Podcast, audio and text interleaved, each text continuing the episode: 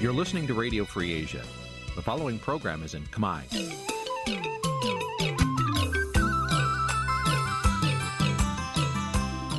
Nǐ chi càm bi tiệp xáy vệt chiu a zì sê ray នេះជាកម្មវិធីផ្សាយរបស់ Vithu Azisari ជាភាសាខ្មែរ វត្តឈូអាស៊ីសេរីសូមស្វាគមន៍លោកអ្នកនាងទាំងអស់ពីរដ្ឋធានី Washington នៃសហរដ្ឋអាមេរិក ចាប់ពីរដ្ឋធានី Washington នាងខ្ញុំម៉ៅសុធានីសូមជម្រាបសួរលោកអ្នកស្ដាប់ទាំងអស់ជាទីមេត្រី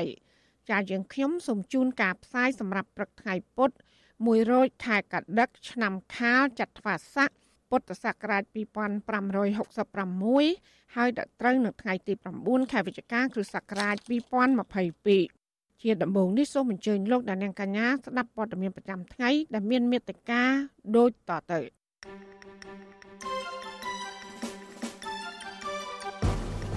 សង្គមស៊ីវិលថាជំនួបមេដឹកនាំវៀតណាមជាមួយលោកហ៊ុនសែនគឺវៀតណាមចង់បង្ហាញថាខ្លួននៅតែមានឥទ្ធិពលលើកម្ពុជា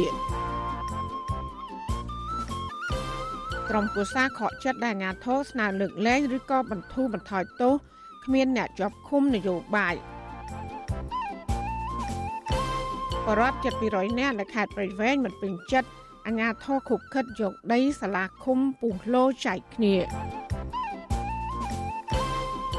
ជានេសាទនៅខេត្តបរសៃអនុត្អូញត្អែពីតម្លៃត្រីកាមុងចុះថោក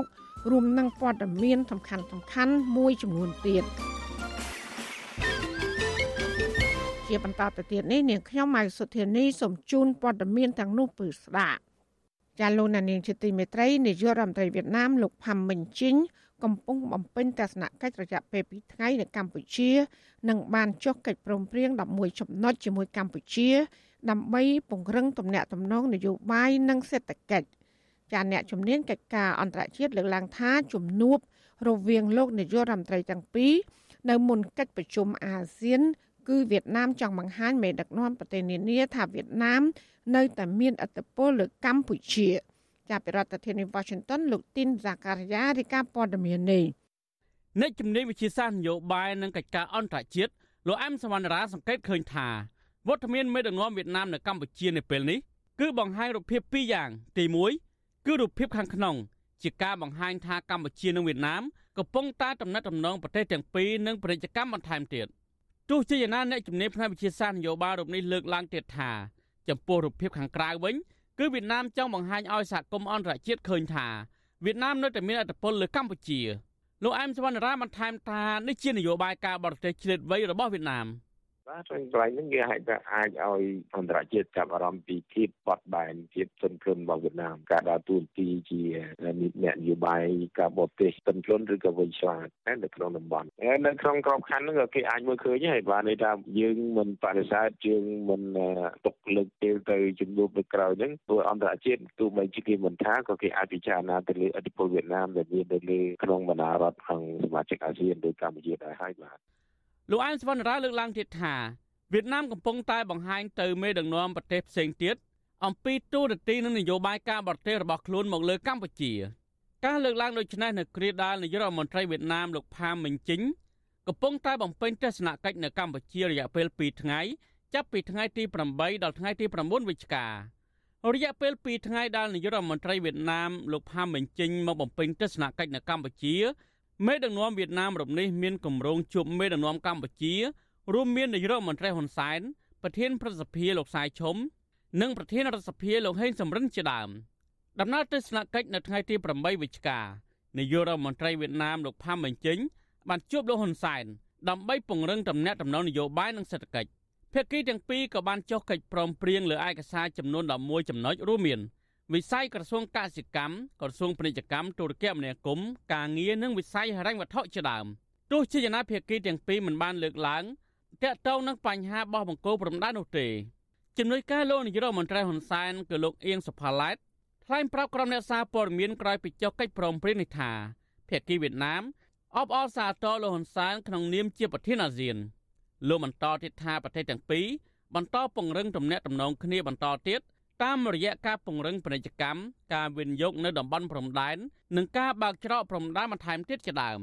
ទស្សនវិជ្ជាទាំងនយោបាយទាំងទស្សនវិជ្ជាសេដ្ឋកិច្ចបាននៅក្នុងនោះថ្នាក់ដឹកនាំកម្ពុជាទាំងពីរបានឯកភាពគ្នាពង្រឹងនិងពង្រីកកិច្ចសហប្រតិបត្តិការមិត្តភាពរវាងប្រទេសទាំងពីរជាពិសេសលើវិស័យសេដ្ឋកិច្ចតាមរយៈបន្តជំរុញការផ្លាស់ប្ដូរបាទថ្នាក់ដឹកនាំរវាងប្រទេសទាំងពីរទាំងយុវជនទាំងប្រជាជនរវាងប្រទេសទាំងពីរ ទោះជាណាអតីតសមាជិកសភាគណៈបកសង្គ្រោះជាតិលោកអ៊ុំសំអានក៏សម្គាល់ឃើញថា ការធ្វើពាណិជ្ជកម្មនៃប្រទេសទាំងពីរមិនស្មើភាពគ្នាទេលោកបន្តថាទំនិញកម្ពុជានាំចូលទៅវៀតណាម មានតិចតួចប៉ុន្តែវៀតណាមនាំទំនិញមកកម្ពុជាវិញមានច្រើនលើសលប់លោកលើកឡើងទៀតថាទោះបីជាលោកហ៊ុនសែនដឹងថាវៀតណាមកេងចំណេញពីការធ្វើពាណិជ្ជកម្មនេះក្តីប៉ុន្តែលោកហ៊ុនសែននៅតែធ្វើតាមវៀតណាមចង់បាន ពីព្រោះលោកហ៊ុនសែនត្រូវការពឹងពាក់សូមឲ្យវៀតណាមជួយគ្រប់គ្រងផែនការផ្ទេរអំណាចពីលោកហ៊ុនសែនទៅលោកហ៊ុនម៉ាណែតចំណេញគឺថាចំណេញទីសំខាន់បំផុតគឺទៅដល់ការកាន់អំណាចរបស់គាត់ហ្នឹងក្រុមគ្រួសាររបស់គាត់ហើយហើយលៀបសការៈដែលមន្ត្រីមួយចំនួនគេនាំចូលមកហ្នឹងតាមដែលយើងដឹងគឺថាតំណែងមួយចំនួនហ្នឹងគឺនាំចូលមកពីវៀតណាមហ្នឹងគឺមានទាំងឧបនាយករដ្ឋមន្ត្រីនៅជាអ្នកនៅពីក្រោយខ្នងហ្នឹងហើយនាំចូលមកហ្នឹងត្រូវបងពន្ធបើថា100%អញ្ចឹងបងតែ50% 30%អញ្ចឹង ជុំវិញនឹងការលើកឡើងទៀតថាវៀតណាមទទួលបានផលចំណេញពីជំនួបនេះអ្នកនាំពាក្យគណៈបកប្រជាជនកម្ពុជាលោកសុកអេសានលើកឡើងថានេះជាជំនួបដែលតែងតែកើតមានរវាងមេដឹកនាំកម្ពុជាជាមួយមេដឹកនាំវៀតណាមលោកបន្តថាក្រៅពីមេដឹកនាំវៀតណាមក៏មានមេដឹកនាំប្រទេសផ្សេងទៀតជួបជជែកទ្វេភាគីជាមួយលោកហ៊ុនសែនដែរ។ អត់មាននិយាយរឿងចំណេញទៅប្រទេសណាមួយទេគឺចំណេញទាំងសងខាងគេជួបទ្វេភាគីដើម្បីពង្រឹងទំនាក់ទំនងមិត្តភាពសាមគ្គីភាពកិច្ចសហប្រតិបត្តិការរវាងប្រទេសទាំងពីរឲ្យកាន់តែមានភាពរឹងមាំហើយអានេះជាការពូនជ្រុំនៃចំណងមិត្តភាពសាមគ្គីភាពនិងកិច្ចសហប្រតិបត្តិការទោះជាយ៉ាងណាទន័យពីកិច្ចនាយកដ្ឋានកយនឹងរដ្ឋកោកម្ពុជានៃក្រសួងសេដ្ឋកិច្ចនិងហិរញ្ញវត្ថុបង្ហាញថា ចាប់ពីខែមករាដល់ខែមីនាឆ្នាំ2022ការផ្លាស់ប្តូរទំនិញរវាងកម្ពុជានិងវៀតណាមមានទឹកប្រាក់កើនឡើងជាង13%ស្មើនឹងជាង1700លានដុល្លារក្នុងនោះការនាំទំនិញពីកម្ពុជាទៅវៀតណាម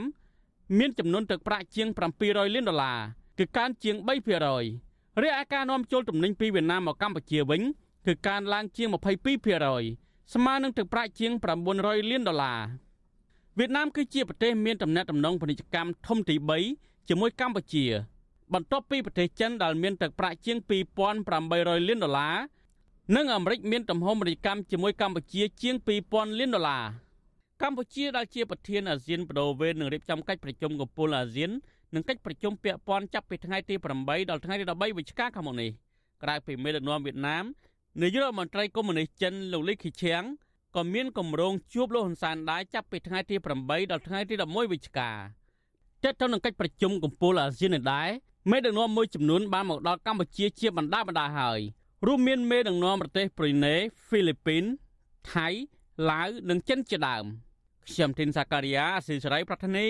វ៉ាស៊ីនតោន ចាលោកណានីជាទីមេត្រីទន្ទឹមនឹងដំណើរទស្សនកិច្ចផ្លូវការរបស់នាយករដ្ឋមន្ត្រីវៀតណាមលោកផាំមិនជិននៅកម្ពុជានាយករដ្ឋមន្ត្រីចិនលោកលីខឿងឈៀងនិងភរិយាក៏បានធ្វើដំណើរមកដល់កម្ពុជាហើយកាលពីយប់ថ្ងៃទី8ខែវិច្ឆិកា ចានេះគឺជាដំណើរទស្សនកិច្ចផ្លូវការរយៈពេល4ថ្ងៃចាប់ពីថ្ងៃទី8ដល់ថ្ងៃទី11ខែវិច្ឆិកាមកកាន់កម្ពុជា ចាប់តាំងពីមានការផ្ទុះវិបត្តិជំងឺ Covid-19 តាំងពីដើមឆ្នាំ2020មកក្រសួងការបរទេសកម្ពុជាឲ្យដឹងថាលោកលីខឺឈៀងនឹងជួបទ្វេភាគីជាមួយលោកនាយករដ្ឋមន្ត្រីហ៊ុនសែន ដើម្បីពង្រឹងកិច្ចសហប្រតិបត្តិការភាពជាដៃគូយុទ្ធសាស្ត្រគ្រប់ជ្រុងជ្រោយរវាងប្រទេសទាំងពីរហើយពិភាក្សាលើបញ្ហាតំបន់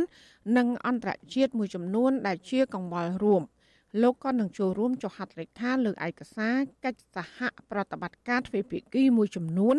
និងសម្ពោធបើកឲ្យប្រើប្រាស់ជាផ្លូវការផ្លូវលឿនលឿន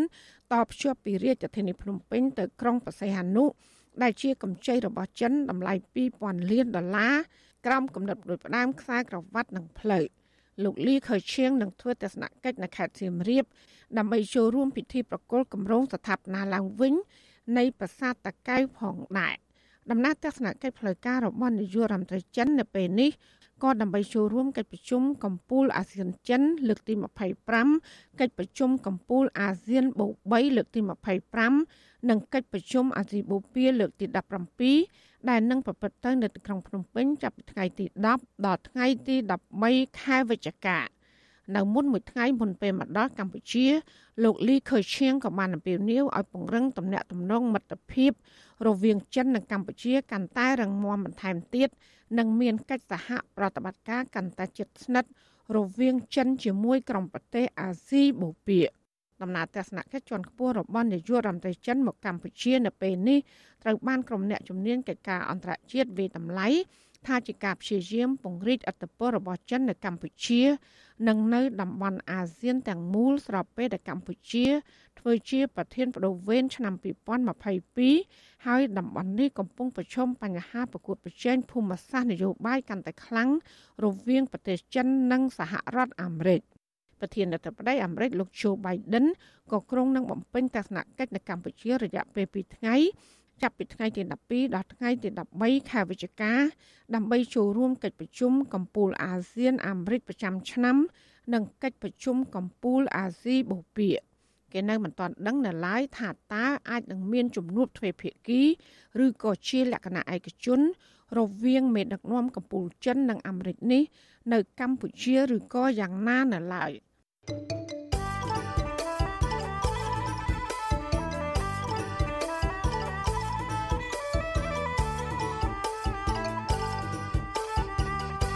ចាលោកនានីជាទីមេត្រីក្រុមគូសាសកម្មជនបពប្រឆាំងខកចិត្តចំពោះគណៈកម្មការជំនាញដែលបានបញ្ជូនឈ្មោះទៅលោកនាយករដ្ឋមន្ត្រីហ៊ុនសែនដើម្បីពិនិត្យនិងសម្រេចស្នើសុំទៅប្រមហាក្សត្រផ្ដល់ការអនុគ្រោះទោសដល់ទណ្ឌិតក្នុងឱកាសពិពិធីបុណ្យអុំទូកនៅឆ្នាំនេះដោយគ្មានឈ្មោះសមាជិកក្រុមគ្រួសាររបស់ពួកគាត់ចាមន្ត្រីពន្ធនាគារអះអាងថាអាញាធរបានអនុវត្តត្រឹមត្រូវ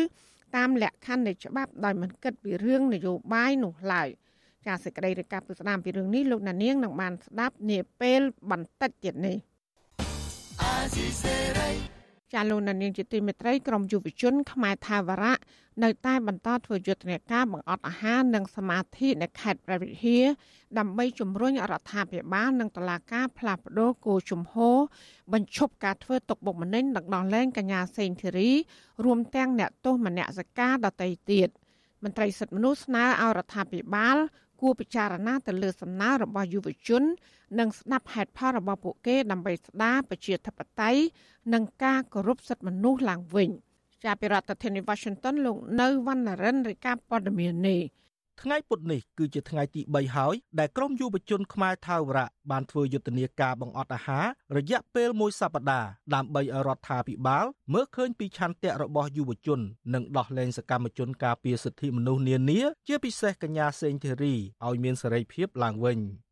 សមាជិកយុវជនខ្មែរថាវរៈលោកស្វាយសំណាងឲ្យវិទ្យុអាស៊ីសេរីដឹងការពីថ្ងៃទី8វិច្ឆិកាថាកោតកម្មបង្អត់អាហារនេះធ្វើឡើងដើម្បីផ្ញើសារប្រាប់ទៅរដ្ឋាភិបាលពីភាពវេទនារបស់ប្រជាពលរដ្ឋក្នុងការទាមទារយុត្តិធម៌ឲ្យអ្នកទោសមនសិការជាពិសេសកញ្ញាសេងធីរី ដែលត្រូវអាជ្ញាធរចាប់ឃុំខ្លួនក្នុងពន្ធនាគារនៅតំបន់ដាច់ស្រយាលដោយអយុត្តិធម៌ លោកស្វាយសំណាងបញ្ជាក់ថាក្នុងពេលដែលពួកលោកកំពុងអង្គុយសមាធិកាលពីថ្ងៃអង្គារក្នុងខេត្តព្រះវិហារមានជនស៊ីវិល3នាក់បានមកឃ្លាំមើលក្រុមរបស់លោកលោកបន្តថាបើទោះជាមានការគំរាមកំហែងនិងទុកវេទនាបណ្ដាលមកពីការអត់អាហារក្តីក៏ក្រមយុវជនខ្មែរថាវរៈនៅតែតស៊ូជំនះដល់ថ្ងៃកំណត់បញ្ចប់កោតកម្មនេះ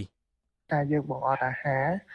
យើងចង់ដឹងថារដ្ឋាភិបាលគាត់ចង់បដ ாய் ឲ្យ ប្រជាពលរដ្ឋខ្លួនឯងបង្អត់អាហារដោយសារតែការទៀមទាយុទ្ធធរតើឲ្យពួកយើងនេះពិបាកវេទនានៅក្នុងការទ្រាំ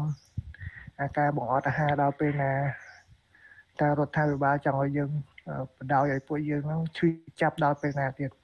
ក្រមយុវជនខ្មែរថាវរៈចំនួន6នាក់ក្នុងនោះ មានស្ត្រី3នាក់ក្នុងសម្លៀកបំពាក់ជួនជាប់ចោតពណ៌ក្លឹមខ្នោក្បាលចងកន្សែងពណ៌ខ្មៅអង្គុយសមាធិដោយស្ងប់ស្ងាត់និងដោយមិនបរិភោគអាហារក្នុងព្រៃដាច់ស្រយាលមួយកន្លែងនៅក្នុងខេត្តព្រះវិហារដើម្បីបួងសួងឲ្យកញ្ញាសេងធីរីទទួលបានសេចក្តីសុខនិងជៀសផុតពីការបៀតបៀនផ្សេងៗនៅក្នុងពន្ធនាគារ តាមការឲ្យដឹងក្រមយុវជនទាំង6រូបក្រងធ្វើយុទ្ធនាការបង្អត់អាហារនេះចាប់តាំងពីថ្ងៃទី7រហូតដល់ថ្ងៃទី14ខាងមុខនៅក្នុងខេត្តព្រះវិហារនិងរាជធានីភ្នំពេញកោតកម្មបង្អត់អាហារនេះធ្វើឡើងបន្ទាប់ពីអ្នកជំនាញច្បាប់និងកិច្ចការអន្តរជាតិនិងជាសកម្មជនសិទ្ធិមនុស្ស កញ្ញាសេងធីរីបានសរសេរលិខិតតដៃមួយចេញពីពន្ធនាគារខេត្តព្រះវិហារហើយវិទ្យុអាស៊ីសេរីទទួលបាននៅថ្ងៃទី14ខែតុលាបង្ហាញថាកញ្ញាធ្វើកោតកម្មបង្អត់អាហារនៅក្នុងពន្ធនាគារចាប់តាំងពីថ្ងៃទី7ដល់ថ្ងៃទី14ខែវិច្ឆិកាប្រសិនបើតុលាការមិនដោះលែងកញ្ញាឲ្យមានសេរីភាពដោយគ្មានលក្ខខណ្ឌ កញ្ញាសេងធីរីបញ្ជាក់ថាបើទោះបីជារូបកញ្ញាត្រូវតុលាការដោះលែងក៏ដោយក៏កញ្ញានៅមិនចាកចេញពីប្រទេសកម្ពុជាដែរលុះត្រាតែប្រទេសកម្ពុជាផ្លាស់ប្ដូរមេដឹកនាំដោយសន្តិវិធីដែលមានអ្នកដឹកនាំជាអ្នកប្រជាធិបតេយ្យទើបកញ្ញាចាកចេញពីកម្ពុជា តកតិននឹងរឿងនេះអ្នកនាំពាក្យអគ្គនាយកដ្ឋានពន្ធនាគារលោកនុតសាវណ្ណានៅតែអះអាងថារដ្ឋាភិបាលគ្មានសិទ្ធិសម្រេចដោះលែងកញ្ញាសេងធីរីក្រៅប្រព័ន្ធតុលាការឡើយចំណែកឯការធ្វើកោតកម្មបង្អត់អាហាររបស់កញ្ញាសេងធីរីក៏មន្ត្រីពន្ធនាគារមិនមានសិទ្ធិហាមឃាត់នោះដែរទន្ទឹមនឹងនេះលោកថាមន្ត្រីពន្ធនាគាររបស់លោកក៏បានត្រៀមថ្នាំសង្កូវនិងពេទ្យដើម្បីត្រៀមលក្ខណៈសង្គ្រោះបឋមរួចហើយដែរ ព្រោះថាហ្នឹងវាជាការអនុវត្តសិទ្ធិរបស់គាត់អញ្ចឹងកុំឲ្យថាមានការបំបិទសិទ្ធិសេរីភាពហ្នឹងគាត់ធ្វើទៅតែយើងមិនចោលកាតព្វកិច្ចនិងទួនាទីរបស់យើងទេគឺធ្វើម៉េចត្រៀមលក្ខណៈដើម្បីជួយសង្គ្រោះគាត់ណាទោះជាមន្ត្រីពន្ធនាគារអះអាងពីការយកចិត្តទុកដាក់និងគោរពសិទ្ធិកញ្ញាសេងធីរីក្តី ក៏ប៉ុន្តែមេធាវីអន្តរជាតិរបស់កញ្ញាគឺលោក Charit Genser បញ្ជាក់ក្នុងសេចក្តីថ្លែងការណ៍កាលពីថ្ងៃទី7ខែវិច្ឆិកាថាសិទ្ធិរបស់កញ្ញាត្រូវបានរឹតបន្តឹងហើយរើសអើងមិនដូចអ្នកទោសធម្មតានោះទេ មេធាវីដដាលរៀបរាប់នៅក្នុងសេចក្តីថ្លែងការណ៍ពីកោតកម្មបង្អត់អាហាររយៈពេលមួយសប្តាហ៍របស់កញ្ញាសេងធីរីថាកញ្ញាបានទាមទារឲ្យបញ្ជូនកញ្ញាមកឃុំខ្លួននៅពន្ធនាគារព្រៃសរក្នុងរាជធានីភ្នំពេញវិញហើយស្នើសិទ្ធិដូចគ្នាទៅនឹងអ្នកទោសផ្សេងទៀតរួមទាំងទទួលបានសេវាសាសនាប្រចាំសប្តាហ៍និងអាចទេទូរស័ព្ទចេញពីពន្ធនាគារជាដើម។ ជុំវិញរឿងនេះអ្នកនាំពាក្យសមាគមអាត់ហុកលោកសង្សានករណា មានប្រសាសន៍ថារដ្ឋាភិបាលគួរពិចារណាលើសំណើរបស់ក្រមយុវជន ដែលលះបង់ពេលវេលា និងសុខភាពដើម្បីស្ដារប្រជាធិបតេយ្យនិងបើកលំហសិទ្ធិមនុស្សលោកបន្តថាទន្ទឹមនឹងនេះរដ្ឋាភិបាលគួរតែប្រញាប់កែលម្អសួនប្រជាធិបតេយ្យឡើងវិញដើម្បីបន្ថយសម្ពាធតានតឹងការបរទេស និងស្ដារមុខមាត់កម្ពុជា លើឆាកនយោបាយអន្តរជាតិ លោកសង្សានករណាបន្ថែមថាការដែលរដ្ឋាភិបាលមិនទទួលស្គាល់ទោសកំហុសរបស់ខ្លួនទេនោះនឹងធ្វើឲ្យសេរីភាពបញ្ចេញមតិរបស់ពលរដ្ឋខ្លួនឯងធ្លាក់ចុះកាន់តែខ្លាំងដែលនាំឲ្យប៉ះពាល់ដល់ការរីកចម្រើននៃប្រទេសជាតិ ហើយក្នុងរឿងនេះខាងយើងដែលជាអង្គការសង្គមស៊ីវិលយើងទទូចឲ្យខាងរដ្ឋាភិបាលពិចារណាទៅលើក្រមយុវជនទាំងអស់នេះដែលពួកគាត់សុខចិត្តលះបង់ពេលវេលាហើយនិងសុខភាពរូបរាងកាយអីទាំងអស់នេះឲ្យមានការពិចារណាអំពីការស្នើសុំនេះហើយគប្បីពិនិត្យរកដំណោះស្រាយជូនពួកគាត់ស្របតាមរដ្ឋធម្មនុញ្ញពីព្រោះថាការទៀមទាតវ៉ាការលើកឡើងពីបញ្ហារបស់ប្រជាពលរដ្ឋគឺមានចែងនៅក្នុងរដ្ឋធម្មនុញ្ញ សមត្ថកិច្ចក្រុងភ្នំពេញបានចាប់ខ្លួនកញ្ញាផ្សេងធីរីកាលពីថ្ងៃទី14ខែមិថុនានៅខាងមុខតុលាការក្រុងភ្នំពេញក្រោយតុលាការប្រកាសសាលក្រមកាត់ទោសឲ្យកញ្ញាជាប់ពន្ធនាគារចំនួន6ឆ្នាំពីបទចោទរួមគំនិតក្បត់ក្នុងសំណុំរឿងវិលចូលស្រុករបស់លោកសំរងស៊ីកាលពីឆ្នាំ2019 មួយថ្ងៃបន្ទាប់តុលាការបានបញ្ជូនកញ្ញាទៅឃុំខ្លួននៅពន្ធនាគារខេត្តព្រះវិហារដែលជាតំបន់ដាច់ស្រយាលឆ្ងាយពីរាជធានីភ្នំពេញរហូតមកទល់ពេលបច្ចុប្បន្ន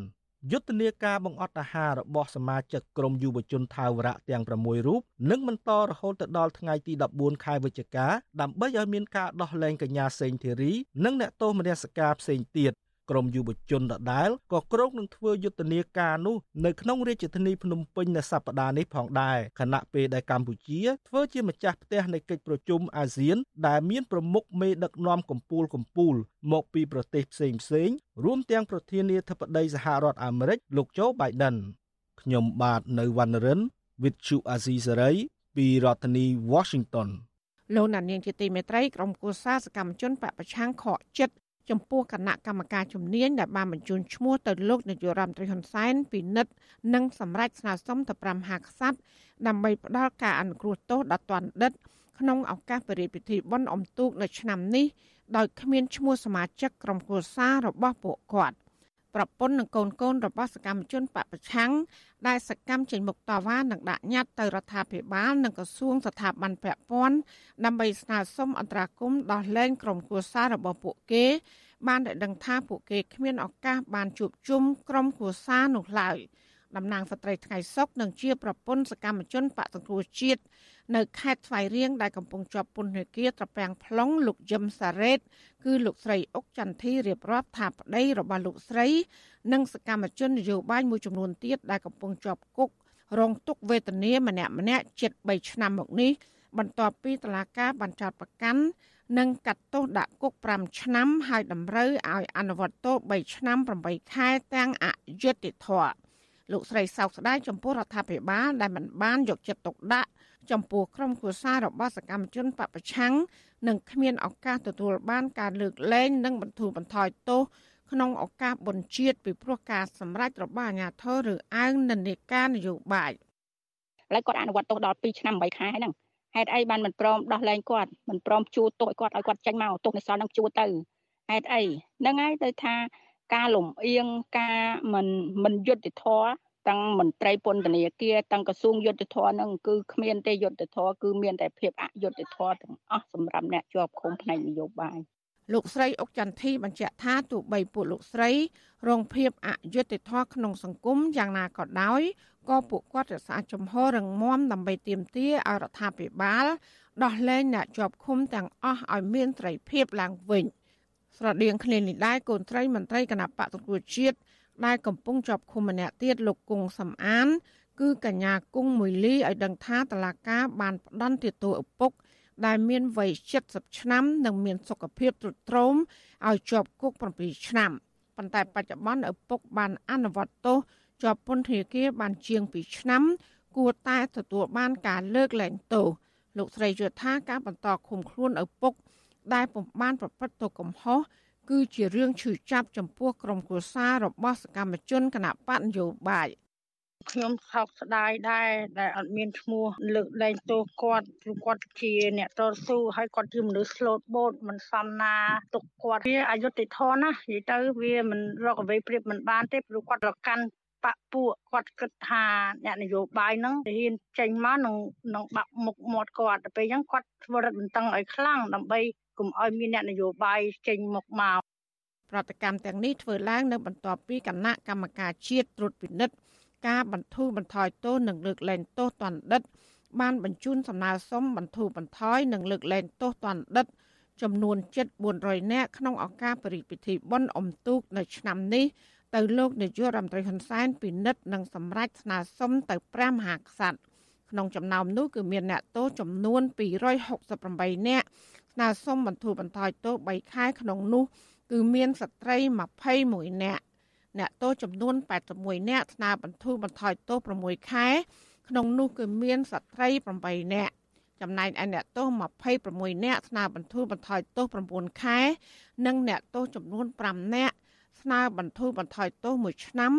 ហើយអ្នកទោសស្ត្រីម្នាក់ស្នើលើកលែងទោសតែម្ដង វត្ថុស៊ីស្រីមិនអាចតតងអ្នកនាំពាក្យក្រសួងយុតិធធលោកកឹមសន្តិភាពដើម្បីបញ្ជាក់រឿងនេះបន្ថែមបានទេ នៅថ្ងៃទី8ខែវិច្ឆិកាការលើកលែងទោសនិងបន្ធូរបន្ថយទោសទណ្ឌិតធ្វើឡើង5ដងក្នុងមួយឆ្នាំព្រឹត្តិការណ៍ទាំងនោះរួមមាន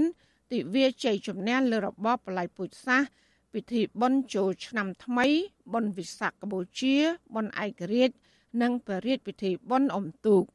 អ្នកនាំពាក្យអគ្គនាយកដ្ឋានពន្ធនាគារនៃក្រសួងមហាផ្ទៃលោកនុតសាវណ្ណាប្រពន្ធស៊ីស្រីថាគណៈកម្មការជំនាញពិនិត្យនិងវាតម្លៃលើការអនុវត្តទោសនិងអេរយាប័តទណ្ឌិត ក្នុងពេលជាប់ឃុំមុនស្នើឈ្មោះបន្ធូរបន្ថយទោសនិងលើកលែងទោសលោកអាអាងថាមន្ត្រីជំនាញមិនដែរឬអាងទណ្ឌិត ដែលជាសកម្មជននយោបាយនោះទេក៏ប៉ុន្តែលោកថាមូលហេតុដែលសកម្មជនបពប្រឆាំងពុំទទួលបានការបន្ធូរបន្ថយទោសនិងការលើកលែងទោសដោយសារពួកគេមិនបានបំពេញលក្ខខណ្ឌត្រឹមត្រូវនៅឡើយចំពោះការលើកឡើងហ្នឹងក៏តែគាត់ពិនិត្យខ្លួនឯងដែរថាតើគាត់បានបំពេញលក្ខខណ្ឌរួចហើយនៅសួរខ្លួនឯងវិញថាគាត់បានបំពេញលក្ខខណ្ឌហើយនៅបើថាគាត់អត់ទាន់គ្រប់លក្ខខណ្ឌទេគាត់មកទៀមទីឲ្យខ្ញុំធ្វើម៉េច ក្រមព្រំមិនទាន់ចែងថាការបន្ធូរបន្ថយទោសនិងការលើកលែងទោសដល់ទាន់ដិត គឺត្រូវបំពេញលក្ខខណ្ឌធំធំចំនួន2ចាំបាច់ត្រូវមានការកែប្រែអរិយាប័ត្រក្នុងពេលជាប់ឃុំ និងការអនុវត្តទោសជាប់ពន្ធនាគារឲ្យបានចំនួនពីភាគ3សិនសម្រាប់ការលើកលែងទោសនិងការអនុវត្តទោសប៉ុន្តែមាត្រា77នៃច្បាប់ស្តីពីពន្ធនាគារចែងថា ចំពោះតនដិតដែលមិនទាន់អនុវត្តទោសបានពីភាគ3 ឬទោះបីជាមិនទាន់បានកែប្រែមាយាទ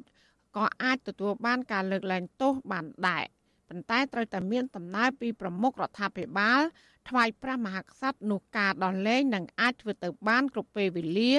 ដោយមិនចាំបាច់រងចាំដល់ពេលមានបុណ្យជាតិធំធំក៏បាននាយកទទួលបន្ទុកកិច្ចការទូតនៃអង្គការសិទ្ធិមនុស្សលីកាដូលោកអំសំអាត បញ្ជាក់ថាក្រសួងយុតិធម៌គួរតែមានការលើកទឹកចិត្ត និងស្នើឲ្យមានការលើកលែងទោសដល់ស្ត្រីឲ្យបានច្រើន នៅពេលដែលពួកគេអនុវត្តទោសបានចំនួន2ភាគ3ប៉ុន្តែមន្ត្រីបពប្រឆាំងនិងមន្ត្រីសិទ្ធិមនុស្ស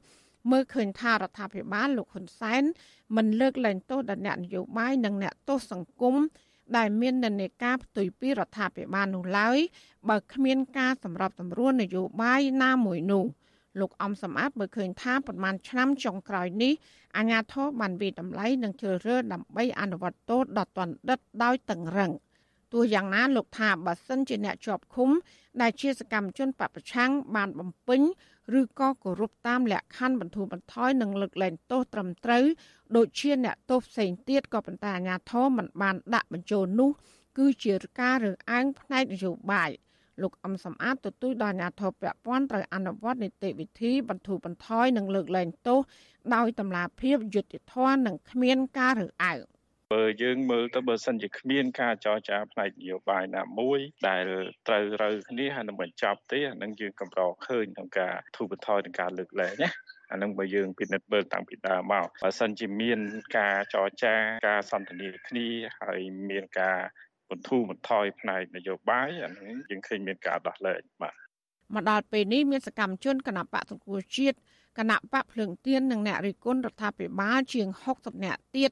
កំពុងជាប់ឃុំក្នុងពន្ធនាគារដោយសារតែការអនុវត្តសិទ្ធិសេរីភាពរបស់ខ្លួនពួកគាត់ភ័យច្រើនត្រូវបានអាជ្ញាធរចាប់ខ្លួនជាបន្តបន្ទាប់កាលពីដើមឆ្នាំ2020ដោយខ្លះរងការចោទប្រកាន់ពីបទរួមកំណត់ក្បត់អ្នកខ្លះជាប់ចោទពីបទញុះញង់ ហើយមានខ្លះទៀតជាប់ទាំងពីរបទចោទជាដើមក្រុមអង្គការជាតិនិងអន្តរជាតិជាច្រើនរួមទាំងទីភ្នាក់ងារអង្គការសហប្រជាជាតិនិងក្រុមប្រទេសប្រជាធិបតេយ្យធំធំកន្លងមក បានថ្កោលទោសជាបន្តបន្ទាប់ចំពោះរដ្ឋាភិបាលដោយបានចាត់ទុកថាការចាប់ខ្លួនសកម្មជនទាំងនោះ គឺជារឿងនយោបាយនិងគ្មានមូលដ្ឋានច្បាប់ ពួកគេបន្តទាមទារឲ្យរដ្ឋាភិបាល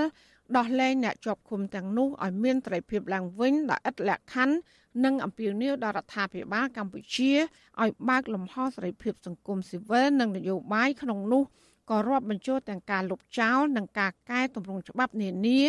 ដែលរដ្ឋបិទស្ត្រីភាពរបស់ប្រជាពលរដ្ឋផងដែរ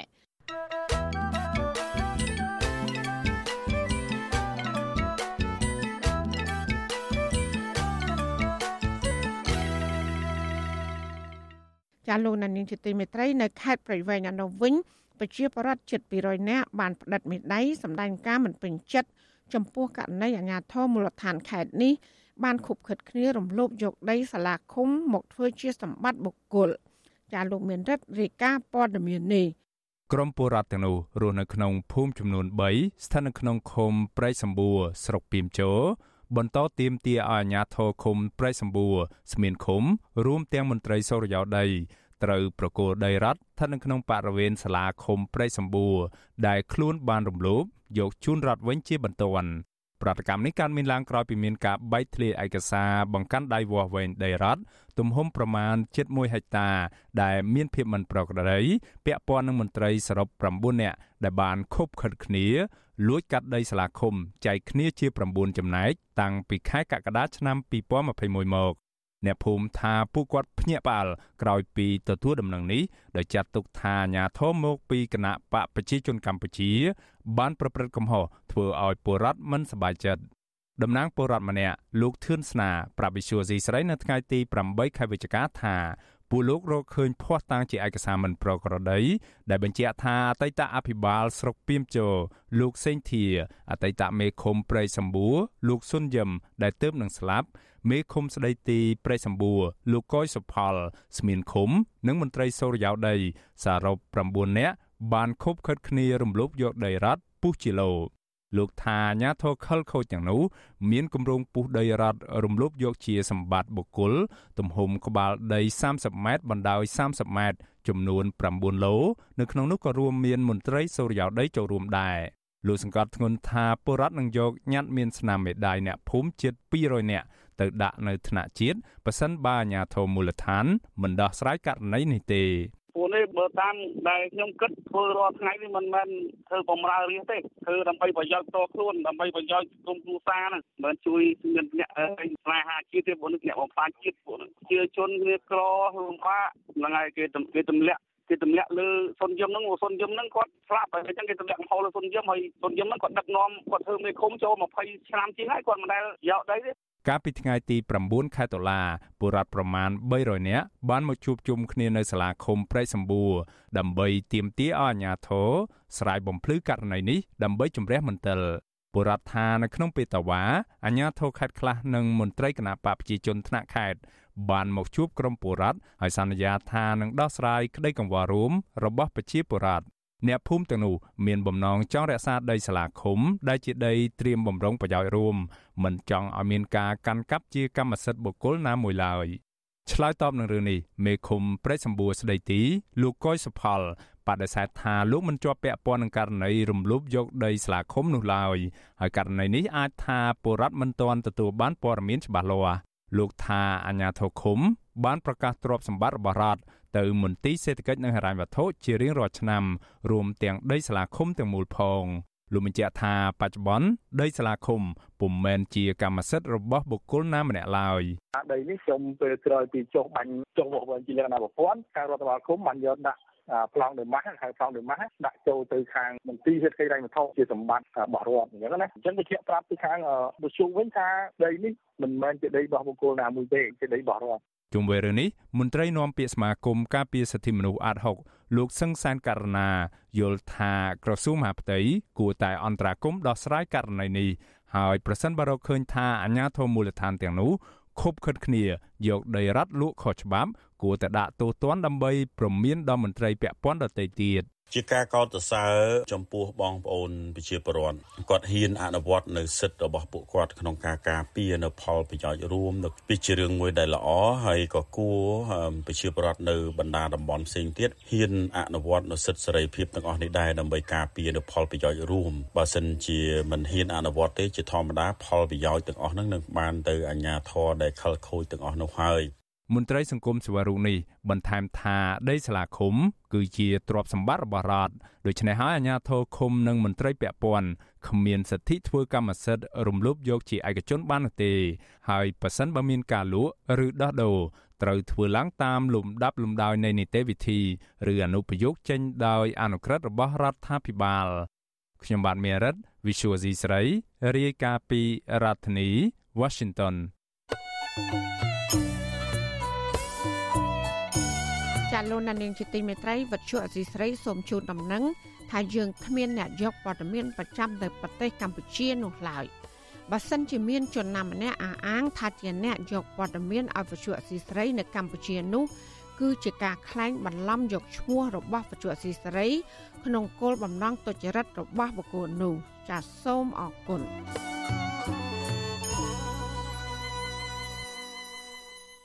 ចាលោកណានៀងជាទីមេត្រីកម្ពុជាបានបណ្ដេញជនបរទេសជាង100នាក់ដែលស្នាក់នៅកម្ពុជាខុសច្បាប់ទៅប្រទេសរបស់ពួកគេវិញ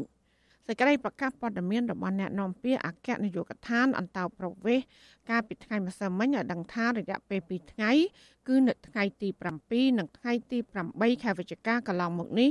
អគ្គនាយកដ្ឋានអន្តោប្រវេសន៍បានបណ្ដេញជនបរទេសចំនួន130នាក់ក្នុងនោះមានជនជាតិចិន ចំនួន110នាក់និងជនជាតិវៀតណាមចំនួន20នាក់សេចក្តីប្រកាសព័ត៌មានដដែលឲ្យដឹងថាការបណ្ដេញជនជាតិចិននិងវៀតណាមនេះដែលលួចចូលកម្ពុជាខុសច្បាប់តាមច្រកទ្វារអាកាសយានដ្ឋានអន្តរជាតិភ្នំពេញនិងតាមប៉ុស្តិ៍នគរបាលច្រកទ្វារព្រំដែនអន្តរជាតិតាពាំងផ្លូវការបញ្ជូនជនជាតិចិននិងវៀតណាមទាំង130នាក់នេះគឺតាមច្បាប់អន្តោប្រវេសន៍កម្ពុជា ពួកគេទាំង130នាក់ត្រូវបានហាមឃាត់ចូលកម្ពុជាវិញក្នុងរយៈពេល3ឆ្នាំ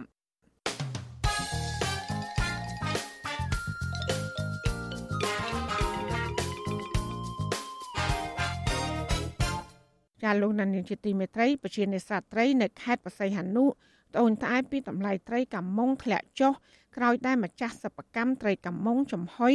នាំចូលត្រីកាមុងកកពីប្រទេសវៀតណាមយ៉ាងច្រើន មន្ត្រីសង្គមស៊ីវិលយល់ឃើញថារដ្ឋាភិបាល និងស្ថាប័នពាក់ព័ន្ធគួរពិនិត្យនិងស្រាវជ្រាវឲ្យដោះស្រាយបញ្ហានេះជូនប្រជាពលរដ្ឋលោកសនចន្ទរដ្ឋារាជការព័ត៌មាននេះប្រជានេសាទនៅសង្កាត់3តំបន់ទំនប់រលកខេត្តបរសេនុសោកស្ដាយអាញាធរគ្មានសមត្ថភាពទប់ស្កាត់ការនាំចូលត្រីពីប្រទេសវៀតណាមបណ្ដាតម្លៃត្រីកំងធ្លាក់ថ្លៃហើយគ្មានទីផ្សារលក់ក្នុងតម្លៃសមរម្យពួកគាត់ថាកន្លងមកពីវិបត្តិ COVID-19 តម្លៃត្រីខ្ពស់ សំបីតកូនត្រីក៏លក់បានតម្លៃគួរសមដែរប្រជានេសាទព្រួយបារម្ភថាបើសិននៅទលួចនាំត្រីចូលពីក្រៅប្រទេសច្រើនដល់សប្តាហ៍នេះប្រជានេសាទនឹងប្រឈមបញ្ហាជីវភាពខ្វះខាតហើយគ្មានប្រាក់សមមលធនាគារទេដំណាងប្រជានេសាទនៅសង្កាត់3លោកអេងសៀងហួតប្រាវិទ្យាស៊ីសេរីថ្ងៃទី8វិច្ឆិកាថាប្រជានេសាទត្រីកំងក្នុងតំបន់ទំនោររលកកំពុងជួបទុលំបាកក្នុងការដោះស្រាយជីវភាពគ្រួសារលោកថាកន្លងមកម្ចាស់លកាយឆ្នៃត្រីចំហុយតែទទួលទិញត្រីពីអ្នកនេសាទជាប្រចាំ ហើយមានលចំហុយត្រីសរុបជាង10លក្នុងខែពិសេសនោះលោកបន្តថាកាលពីវិបត្តិ COVID-19 ឆ្នាំមុនតម្លៃត្រី8000រៀលក្នុង1គីឡូក្រាមហើយឈ្មោះដណ្ដើមគ្នាទិញត្រីពីប្រជានេសាទប៉ុន្តែឥឡូវតម្លៃត្រឹមតែ4000រៀលឬក៏3500រៀលក្នុង1គីឡូក្រាមតែប៉ុណ្ណោះលោកអេនស៊ិនហួតមើលឃើញថាត្រីកមុងដែលដឹកចូលយប់យប់ដាក់តាមឡកាយឆ្នៃចំហុយនោះគឺជាការនាំចូលខុសច្បាប់លោកអេនស៊ិនហួតស្នើរដ្ឋាភិបាលនិងស្ថាប័នពាក់ព័ន្ធជួយទប់ស្កាត់ឬក៏ហាមឃាត់ការនាំចូលត្រីកមុង ក្នុងរដូវសម្បូរត្រីដើម្បីជួយដល់ប្រជានេសាទអាចរកត្រីលក់បានយកប្រាក់ដោះស្រាយជីវភាពគ្រួសារ។ ត្រីមកក្រៅស្រុកហ្នឹងគឺត្រីបកកពីប្រទេសវៀតណាមហើយនិងប្រទេសថៃត្រីវៀតណាមវាខ្លាំងជាងត្រីបកកហ្នឹងគេយកមកចំហុយធ្វើទីផ្សារយើងវាចាក់ចុះដល់វាត្រីគេទូស្គាល់ថាត្រីវាធំប៉ុន្តែត្រីពួកខ្ញុំបាយមួយថ្ងៃគឺលក់មួយថ្ងៃគឺចេញទៅសាងហើយដល់ពេលអញ្ចឹងទៅខាងអ្នកអំពេញឡនោះគេចំហុយយកត្រីវៀតណាមហើយត្រីធំមកខ្មែរយើងឃើញត្រីធំមកឲ្យនឹងប្រាប់ហើយតែត្រីធំមិនដឹងថាត្រីហ្នឹងវាមកពីខាងណាមកខាងណីយកបកកអុយមកវិណាវិន័យអញ្ចឹងបងដល់អញ្ចឹងគេហូបហើយត្រីធំមកធម្មតាខ្មែរយើងដល់ធំហូបហើយស្រដៀងគ្នានេះឈ្មោះទីនត្រីពីអ្នកនេសាទខ្មែរលោកករតនាឲ្យដឹងថាលោកនៅប្រជានេសាទខ្មែរដោយសាររដូវសម្បូរត្រីកំងបែបនេះបែរជាត្រូវធ្លាក់ថ្លៃហើយលោកតែគ្រប់គ្រងហើយទទួលទីនត្រីពីអ្នកនេសាទលោកបន្តថាម្ចាស់ឡចំហុយត្រីកំងធំធំនាំចូលត្រីកំងពីប្រទេសវៀតណាមដែលមានទំហំធំជាងត្រីកំងប្រជានេសាទខ្មែរដោយសារត្រីកំងវៀតណាម8ក្បាលមានទម្ងន់1គីឡូក្រាមប៉ុន្តែត្រីប្រជានេសាទខ្មែរវិញត្រីពី11ទៅ12ក្បាលទើបបាន1គីឡូក្រាម។ ត្រីប្រទេសជិតខាងវាពណ៌សម្បុរវាអត់ដូចត្រីយើងធម្មជាតិទេយើងបានយកទៅចំហុយបើយើងយកទៅលក់លើទីផ្សារពណ៌វាគឺខុសគ្នាពណ៌វារៀងស្លេករៀងសរៀងកករឹងអីចឹងទៅគេយកមកចំហុយយកមកត្រាំទឹកបាទរបស់យើងគឺធម្មជាតិតែយើងធ្លាប់លក់ត្រីធម្មជាតិយើងគ្រាន់តែកលេចឃើញនឹងស្ដេចគឺយើងដឹងមកថាធម្មជាតិចេញពីសមុទ្រយើងអ្នកនេសាទត្រីកំងឲ្យនឹងថាម្ចាស់ឡតែទទួលទិញត្រីនោះទោះតូចឬក៏ធំដោយសារគ្មានការនាំចូលពីប្រទេសជិតខាង ពួកគាត់ថាប៉ះសិនបាអាញាធរខ្មែរនៅតែមិនទប់ស្កាត់ការនាំចូលត្រីកម្ពុជានោះទេនឹងធ្វើឲ្យប្រជានេសាទកាន់តែក្រីក្រហើយជំពាក់បំណុលធនាគារវ៉ាន់កជាមិនខាន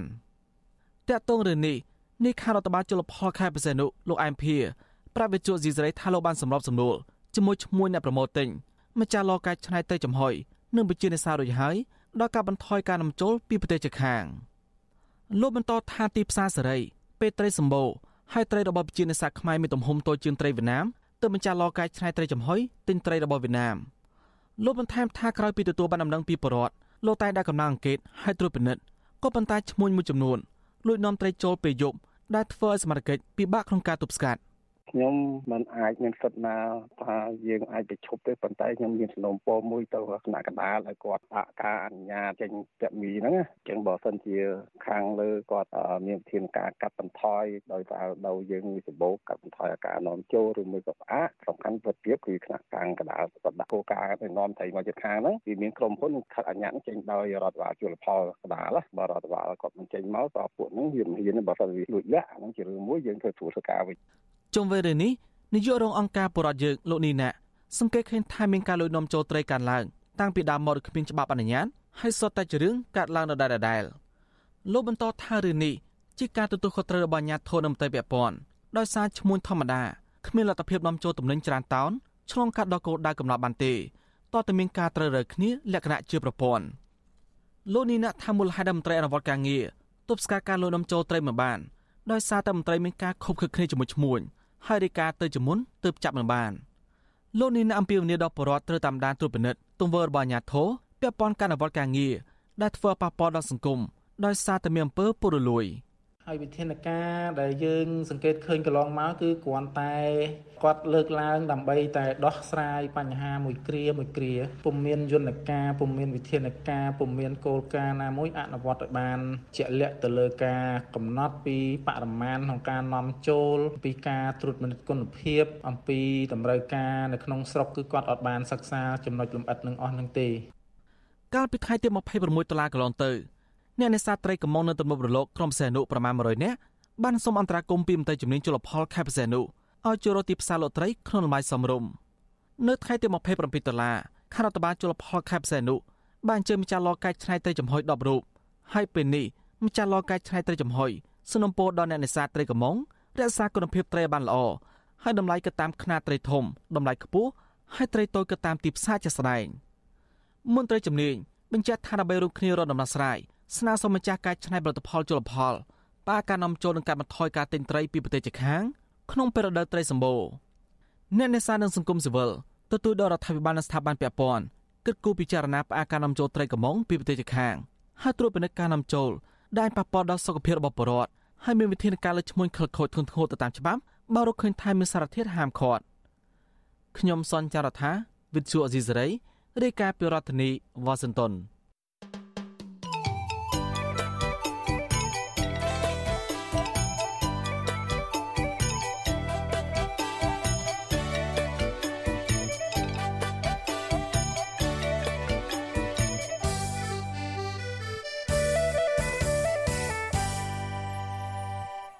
ចាលោកនានីជាទីមេត្រីប្រជាប្រដ្ឋនៅខេត្តបាត់ដំបងចោទអាជ្ញាធរមូលដ្ឋានថាមិនបានបើកប្រអប់បឋមពីរដ្ឋាភិបាលជូនពួកគាត់អស់រយៈពេល5ខែមកហើយមន្ត្រីសង្គមស៊ីវិលយល់ឃើញថារដ្ឋាភិបាល និងស្ថាប័នពាក់ព័ន្ធគួរពិនិត្យនិងស្រាវជ្រាវឲ្យដោះស្រាយបញ្ហានេះជូនប្រជាប្រដ្ឋដោយតម្លាភាពហើយផ្ដន់ទាទោសលើមន្ត្រីទាំងឡាយណាដែលកេងប្រវ័ញ្ចលើប្រជាប្រដ្ឋក្រីក្រ ចាប់ពីរដ្ឋធានី Washington លោកមានរិទ្ធ មានសេចក្តីរាយការណ៍ពុស្ដាជំវិញព័ត៌មាននេះដូចតទៅប្រជាពលរដ្ឋនៅស្រុកគោះក្រឡខេត្តបាត់ដំបងសោកស្ដាយចំពោះអាញាធមមូលដ្ឋាន ដែលមិនបើកប្រាក់សមត្ថភាពជូនដល់ពួកគាត់ពួកគាត់ថាក្រោយការបោះឆ្នោតជ្រើសរើសក្រុមប្រឹក្សាគុំសង្កាត់ពួកគាត់តែងតែទៅសាលាឃុំរាល់ខែដើម្បីសួរនាំតាក់ទងពីការដែលមិនអាចដកប្រាក់ពីបញ្ជីពលរដ្ឋក្រីក្រក៏ប៉ុន្តែមន្ត្រីឃុំជំរុញឲ្យទៅសួរថ្នាក់លើ ហើយថ្នាក់លើបែរជាឲ្យពលរដ្ឋមកសួរថ្នាក់ឃុំទៅវិញពលរដ្ឋក្រីក្ររស់នៅឃុំដូនបាស្រុកគោះក្រឡលោកស្រីវ៉ៃមុំប្រាប់វិសុយស៊ីស្រីឲ្យដឹងនៅថ្ងៃទី7ខែវិច្ឆិកាថាលោកស្រីមិនបានបើកប្រាក់សមត្ថៈរបស់រដ្ឋាភិបាលផ្ដល់ឲ្យអស់រយៈពេលជិត6ខែមកហើយ លោកស្រីថាក្រោយពីការបោះឆ្នោតជ្រើសរើសក្រុមប្រឹក្សាឃុំសង្កាត់លោកស្រីតែងត្រូវបានរើសអើងពីអាជ្ញាធរដោយសារតែលោកស្រីមិនចូលជាសមាជិកគណៈបកប្រជាជនកម្ពុជាលោកស្រីបន្តថាក្រោយពីរងចាំអាជ្ញាធរឃុំសង្កាត់គ្មានដំណោះស្រាយលោកស្រីក៏បានសម្រេចចិត្តតាក់ទងទៅសួរនាំនៅខាងសាលាខេត្តបាត់ដំបងក៏ប៉ុន្តែខាងមន្ត្រីសាលាខេត្តបានឲ្យលោកស្រីត្រឡប់ទៅសួរខាងឃុំវិញ លោកស្រីវ៉ៃមុំបន្ថែមថាទោះបីជាមានការបញ្ជាក់ពីថ្នាក់ខេត្តយ៉ាងណាក្តីក៏រដ្ឋបាលឃុំដូនបានៅតែមិនព្រមធ្វើបានក្រីក្រឲ្យលោកស្រីនោះទេហើយអាជ្ញាធរថែមទាំងបានស្ដីបន្ទោសដល់លោកស្រីថាគ្រាន់តែរឿងប៉ុណ្ណឹងចាំដល់ថ្នាក់ខេត្តនោះដែរលោកស្រីវ៉ៃមុំចាត់ទុកទង្វើរបស់អាជ្ញាធរថា គឺជាការរើសអើងដល់ពលរដ្ឋនៅក្នុងមូលដ្ឋាន ក្នុងការគ្រប់គ្រង និងធ្វើការគ្មានទំនួលខុសត្រូវ លោកស្រីសំណូមពរដល់រដ្ឋាភិបាលលោកហ៊ុនសែនឲ្យត្រួតពិនិត្យលើភាពមិនប្រក្រតីនៅក្នុងឃុំដូនបាពាក់ព័ន្ធទៅនឹងបានសមត្ថៈឬបានក្រីក្រថា បានហ្នឹងបើគាត់ធ្វើឲ្យខ្ញុំហើយខ្ញុំបាត់5រយៈពេល5ខែមកហើយហ្នឹងអា5ខែហ្នឹងបើអត់បានទេបើបានបានតែអាធ្វើថ្មីខ្ញុំអត់យកទេព្រោះឲ្យខ្ញុំបាត់5ខែហើយព្រោះឲ្យលុយហ្នឹងក៏វាច្រើនដែរបាត់5ខែខ្ញុំត្រូវការយកបានចាស់ដល់ពេលខាងអត់បានទេបើធ្វើធ្វើបានបានតាបានថ្មីតែចុះហេតុអីធ្វើបើកឥឡូវនេះបានចុះហេតុអីបានអាកន្លងមក5ខែកន្លងមកហ្នឹងហើយក៏បើកមិនបានដល់ពេលគាត់ថាអត់បានទេហើយក៏បន្ទោខ្ញុំហើយចាំដល់ស៊ូដល់នឹងស្អីអញ្ចឹងបើខ្ញុំនិយាយថាហេតុអីបានបាត់ផងខ្ញុំបើអ្នកឯងធ្វើការនឹងដៃឆ្លើយថាមិនដឹងហើយគេនោះគេខាងលើគេថាអត់ដឹងដែរស្រដៀងគ្នានេះដែរពលរដ្ឋក្រីក្រម្នាក់រស់នៅឃុំដូនបាស្រុកគោះក្រឡលោកផុនម៉ៅលើកឡើងថាកាលពីមុនការបោះឆ្នោតជ្រើសរើសក្រុមប្រឹក្សាឃុំសង្កាត់អាជ្ញាធរមូលដ្ឋាន តែងប្រាប់លោកថាឲ្យបោះឆ្នោតឲ្យគណៈបកកណ្ដាលអំណាចហើយអាជ្ញាធរនឹងធ្វើបានក្រីក្រជូនលោក លោកថាក្រោយការបោះឆ្នោតជ្រើសរើសក្រុមប្រឹក្សាគុំសង្កាត់រួចលោកមិនអាចដកប្រាក់សមត្ថភាពបានឡើយហើយលោកក៏បានតាក់ទងទៅអាជ្ញាធរឃុំដែរតែគ្មានដំណោះស្រាយអ្វីឡើយមុនបោះឆ្នោតពីរឿងខ្ញុំថាបើបោះបោះគេទៅគង់កុំបោះណាបើបើបោះគេតែគេឈ្នះគេដកបានកៃក្រហើយនឹងគេដកដីដល់ពេលបោះឆ្នោតរួច គេកាត់ខ្ញុំមែនអញ្ចឹងដល់កាត់រួចខ្ញុំខែទី1ខ្ញុំទៅសួរទៅសួរគេថាអត់ដឹងទេខ្ញុំមិនដឹងដែរដល់ខ្ញុំឡើងទៅគ្រប់5ខែគេថាគួរតែដឹងសួរយើងមិនមកគេកាត់អញ្ចឹងបានលើថាគេអឹងខ្ញុំមកគេថាដល់សួរគេទេគេថាមិនដឹងទេគ្នាលើកាត់ដល់ខ្ញុំដល់ខែថាអត់ដឹងផងឲ្យឃុំបើលេគេវិញអញ្ចឹងពជាពេលមក2ខែទៅដល់អត់ដល់ខ្ញុំកន្លងមកប្រជាពលរដ្ឋក្រីក្រស្ទើរតែទូទាំងប្រទេសតែងលើកឡើងថាអាញាធរធ្វើបានក្រីក្រជូនពលរដ្ឋដោយគ្មានដំណាភិបនិងបពុនិយម ពលរដ្ឋមើលឃើញថាអាញាធរនៅតាមឃុំសង្កាត់មួយចំនួន ប្រព្រឹត្តអំពើពុករលួយ នៅក្នុងការធ្វើបានក្រីក្រពួកគាត់ស្នើដល់រដ្ឋាភិបាល និងស្ថាប័នពាក់ព័ន្ធគួរពិនិត្យនិងរកយន្តការដោះស្រាយបញ្ហានេះប្រកបដោយតម្លាភាព ដើម្បីឲ្យពលរដ្ឋក្រីក្រពិតប្រាកដទទួលបានប្រាក់ឧបត្ថម្ភពីរដ្ឋាភិបាលយកមកដោះស្រាយជីវភាពរបស់ពួកគេតកតងនៅរឿងនេះមេឃុំដូនបាលោកចិនសំអនប្រាប់វិសុយស៊ីស្រីថា លោកកំពុងដោះស្រាយបញ្ហានេះជូនពលរដ្ឋហើយហើយលោកថាបញ្ហានេះមិនមែនកើតឡើងតែនៅភូមិឆក់រកានោះឡើយលោកបន្តថាការដោះស្រាយបញ្ហានេះអាចប្រើរយៈពេលដល់ទៅ1ឆ្នាំទើបអាចបើកប្រាក់វិញបាន យើងមិនដឹងថាយ៉ាងម៉េចទេប៉ុន្តែយើងកំពុងតែធ្វើការដោះស្រាយជូនគាត់មិនមែនមានតែគាត់ទេការបាត់លេខកូដការបាត់លុយបាត់កាក់នឹងច្រើនណាស់តើបានបន្តទៅហើយអ្នកខ្លះដល់1ឆ្នាំអ្នកខ្លះដល់3ខែអញ្ចឹងណាអានឹងខ្លាយការអាវត្ថុឬក៏ សួងពាក់ព័ន្ធនៅរឿងហ្នឹងគឺយ៉ាងម៉េចហ្នឹងខ្ញុំអត់ដឹងរឿងនេះការបាត់ការបងអាហ្នឹងខ្ញុំអត់ហ៊ានទទួលដឹងថាជាអ្វីទេប៉ុន្តែយើងនឹងធ្វើការដោះស្រាយជំនន់ត្រូវតែបានជុំវិញរឿងនេះមន្ត្រីសម្របសម្រួលសមាគមការពារសិទ្ធិមនុស្សអាត6ប្រចាំខេត្តបាត់ដំបងលោកយិនមេងលី លើកឡើងថាបានសមត្ថៈគឺជាគោលការណ៍របស់រដ្ឋាភិបាលដែលជាថវិការបស់រដ្ឋមិនមែនជាថវិការបស់គណៈបកនយោបាយណាមួយឡើយ លោកបន្តថាប្រសិនបើជាថវិការបស់គណៈបកនយោបាយគឺគេបែងចែកទៅតាមសាខារបស់គណៈបកមិនមែនបែងចែកទៅតាមរដ្ឋបាលឃុំសង្កាត់នោះឡើយលោកយិនមេងលី បន្តថាអាញាធរថ្នាក់ខេត្តបានដឹងឮពីបញ្ហានេះហើយហើយគួរតែពិនិត្យនិងរកពីមូលហេតុឲ្យបានច្បាស់លាស់ថាតើប្រាក់ខែចំនួន5ខែដែលបានបាត់បង់នោះនៅទើត្រឹមណា លោកយិនមេងលីបញ្ជាក់ថាបើគ្មានវិធានការផ្លូវច្បាប់ចំពោះអ្នកប្រព្រឹត្តខុសនោះទេនោះបញ្ហាដដែលនេះនឹងកើតមានឡើងជាបន្តបន្ទាប់ ប្រសិនបើរឿងនឹងវាជាការពិតអញ្ចឹងវាមានចូលរឿងមួយទៀតគឺអំពើពុករលួយនៅក្នុងហ្នឹងទី1វាជាការរើសអើងនិន្នាការនយោបាយដោយសារតែគាត់មាននិន្នាការគណៈបកផ្សេងទី2ការបាត់5ខែដែលគាត់កំពុងតែទៀមទីឲ្យបានឡើងវិញហ្នឹងវាជាអំពើពុករលួយ យើងត្រូវតែចំណាត់ការតាមផ្លូវច្បាប់អាជ្ញាធរអ្នកខែលោកត្រូវតែមានវិធានការប្រសិនបើយើងគ្រាន់តែថាឲ្យបើកបានសមធម៌ដំណើរការឡើងវិញហើយយើងមិនមានមានចំណាត់ការអីដោយសារតែអ្នកនោះជាគ្នាគ្នាយើង ជាបពពួកយើង បញ្ហានេះវានឹងកើតឡើងទៀតនៅតាមបណ្ដាឃុំស្រុកផ្សេងទៀតកន្លងមកអគ្គនាយកផែនការកាលពីចុងខែតុលាឲ្យដឹងថាគ្រួសារក្រីក្រដែលមានបានសមត្ថៈឬបានក្រីក្រត្រូវបានវាតម្លៃដោយអាជ្ញាធរមូលដ្ឋានរៀងរាល់3ខែម្ដង ដើម្បីពិនិត្យមើលថាតើពួកគេ នៅមានសិទ្ធិទទួលបានកម្មវិធីផ្ដល់បានសមត្ថៈដែរឬទេ ក៏ប៉ុន្តែចំនួនគ្រួសារដែលសមស្របតាមលក្ខខណ្ឌតម្រូវកំពុងកើនឡើងចំនួនជាង70ម៉ឺនគ្រួសារស្មើនឹងជិត3លាននាក់នៅទូទាំងប្រទេសខណៈរដ្ឋាភិបាលបានផ្ដល់សុខុមាលភាពសង្គមចំនួនជាង800លានដុល្លារគិតចាប់តាំងពីថ្ងៃទី24ខែមិថុនាឆ្នាំ2020ប្រជាពលរដ្ឋនិងមន្ត្រីសង្គមស៊ីវិលទទូចដល់រដ្ឋាភិបាលនិងស្ថាប័នពាក់ព័ន្ធ គួរពិចារណាឡើងវិញត្រួតពិនិត្យមើលភាពមិនប្រក្រតីក្នុងការផ្ដល់បានក្រីក្រ នៅតាមមូលដ្ឋាន ដើម្បីឲ្យពលរដ្ឋក្រីក្រពិតប្រាកដអាចទទួលបានការជួយសង្គ្រោះពីរដ្ឋាភិបាលនិងចាត់វិធានការដល់មន្ត្រីខលខូចនៅតាមមូលដ្ឋានឲ្យបានធ្ងន់ធ្ងរស្របតាមផ្លូវច្បាប់ខ្ញុំបាទមេរិត Visual C ស្រីរាយការណ៍ពីរដ្ឋធានី Washington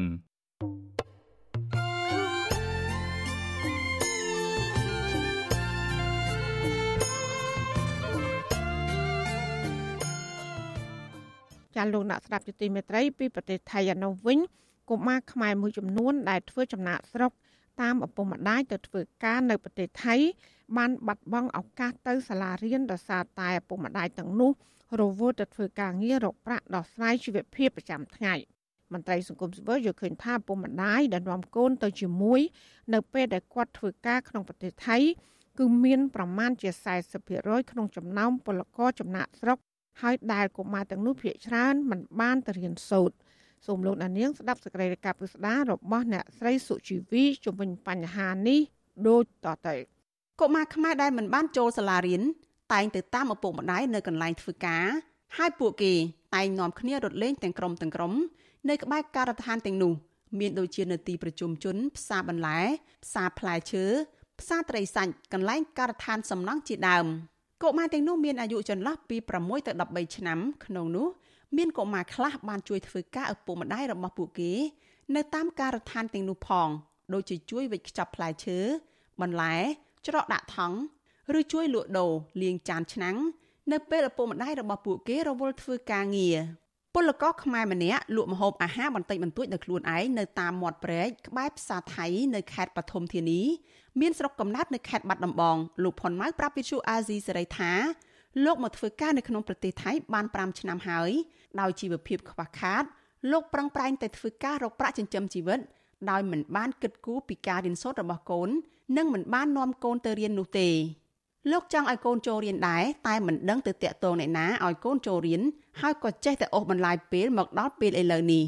លោកបន្តថាលោកធ្លាប់គិតពីអនាគតរបស់កូនលោកដែរ ថាបើសិនជាកូនលោកគ្មានចំណេះដឹងក្នុងខ្លួនទៅថ្ងៃអនាគតនោះពួកគេនឹងស៊ីឈ្នួលលក់កម្លាំងពលកម្មលំបាកវេទនាដោយលោកជាក់ជាមិនខាន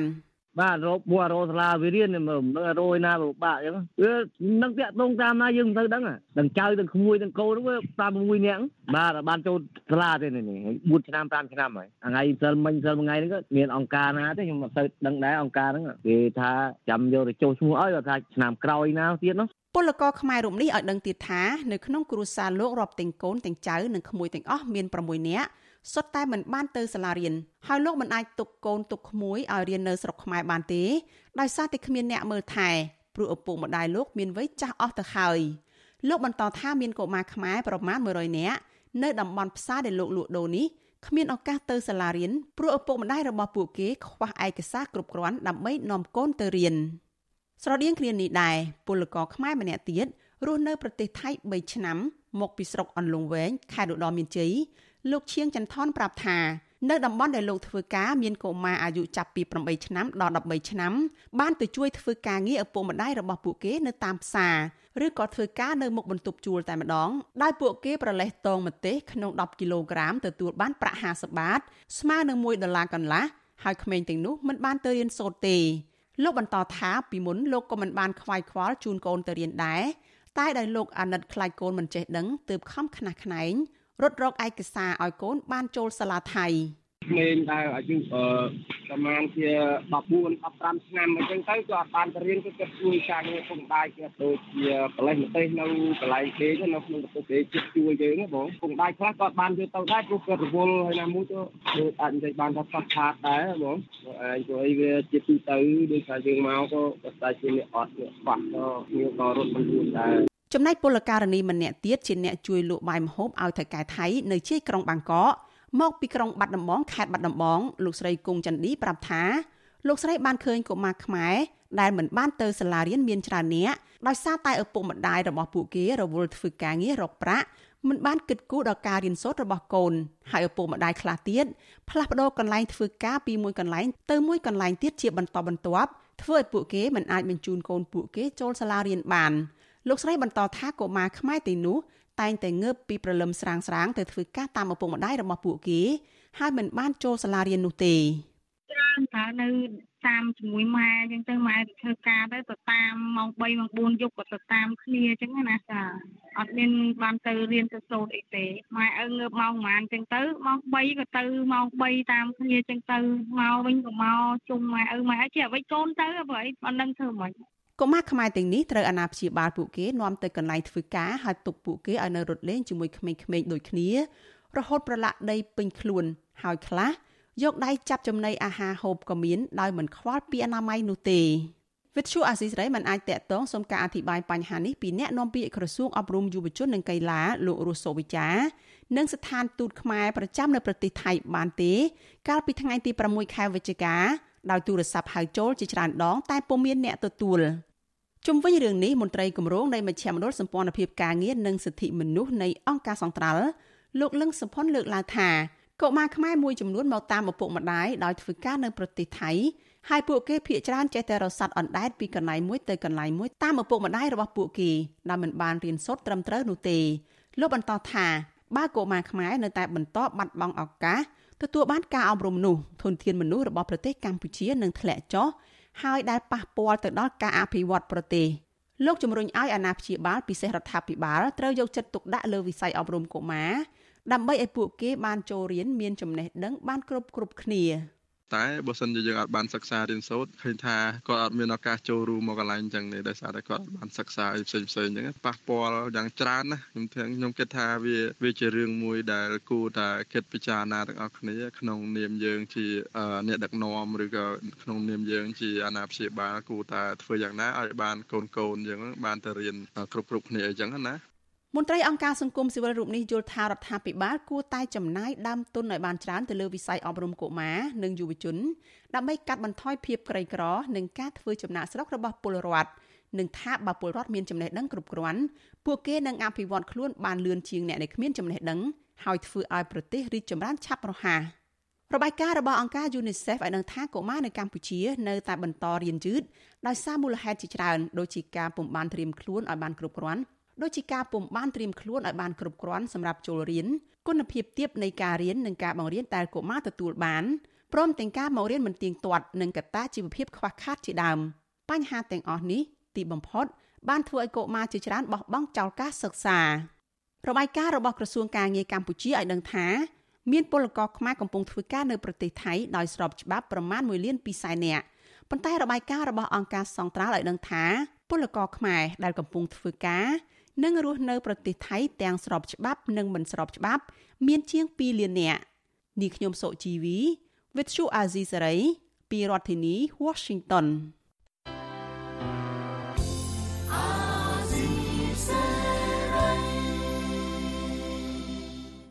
ចាលោកលានកញ្ញាអ្នកស្ដាប់ជាទីមេត្រីការផ្សាយរយៈពេល1ម៉ោងរបស់វិទ្យុអាស៊ីស្រីជាភាសាខ្មែរនៅពេលនេះចាប់តែប៉ុណ្ណេះ ចាយើងខ្ញុំទាំងអស់គ្នាសូមជូនពរលោកនាងនិងក្រុមគ្រួសារទាំងអស់សូមជួបប្រកបតែនឹងសេចក្តីសុខសេចក្តីចម្រើន ជានិរន្តរ៍ចានាងខ្ញុំម៉ៃសុធានីព្រមទាំងក្រុមការងារទាំងអស់របស់អសីស្រីសូមអរគុណនិងសូមជម្រាបលា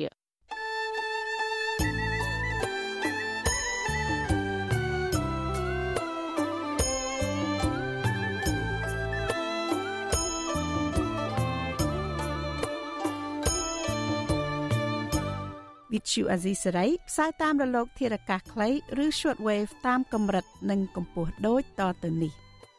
ពេលព្រឹកចាប់ពីម៉ោង5កន្លះដល់ម៉ោង6កន្លះតាមរយៈរលក ធារកាសខ្លី9390 kHz ស្មើនឹងកម្ពស់ 32m និង11850 kHz ស្មើនឹងកម្ពស់ 25m ពេលយប់ចាប់ពីម៉ោង7កន្លះដល់ម៉ោង8កន្លះតាមរយៈរលកធារកាសខ្លី 9390 kHz ស្មើនឹងកម្ពស់ 32m និង15155 kHz ស្មើនឹងកម្ពស់ 20m និង11885 kHz ស្មើនឹងកម្ពស់ 20m លោកអ្នកនាងក៏អាចស្ដាប់ការផ្សាយផ្ទាល់តាមប្រព័ន្ធអ៊ីនធឺណិតដោយចូលទៅកាន់គេហទំព័ររបស់ Vuthu Azizi Serai www.rfa.org/ ខ្មែរ ក្រៅពីនេះលោកអ្នកនាងក៏អាចអាននិងទស្សនាព័ត៌មានវិទ្យុអស៊ីសេរីលើទូរស័ព្ទដៃរបស់លោកអ្នកផ្ទាល់សូមលោកអ្នកនាងចូលទៅកាន់បណ្ដាញសង្គម Facebook ដែលមានអាសយដ្ឋាន www.facebook.com/rfa cambodia និង YouTube www.youtube.com/rfa khmer video សូមលោកអ្នកនាងចុច like និងចុច subscribe ដើម្បីទទួលបានព័ត៌មានថ្មីៗទាន់ហេតុការណ៍ និងទស្សនាវីដេអូផ្សេងៗបានគ្រប់ពេលវេលា។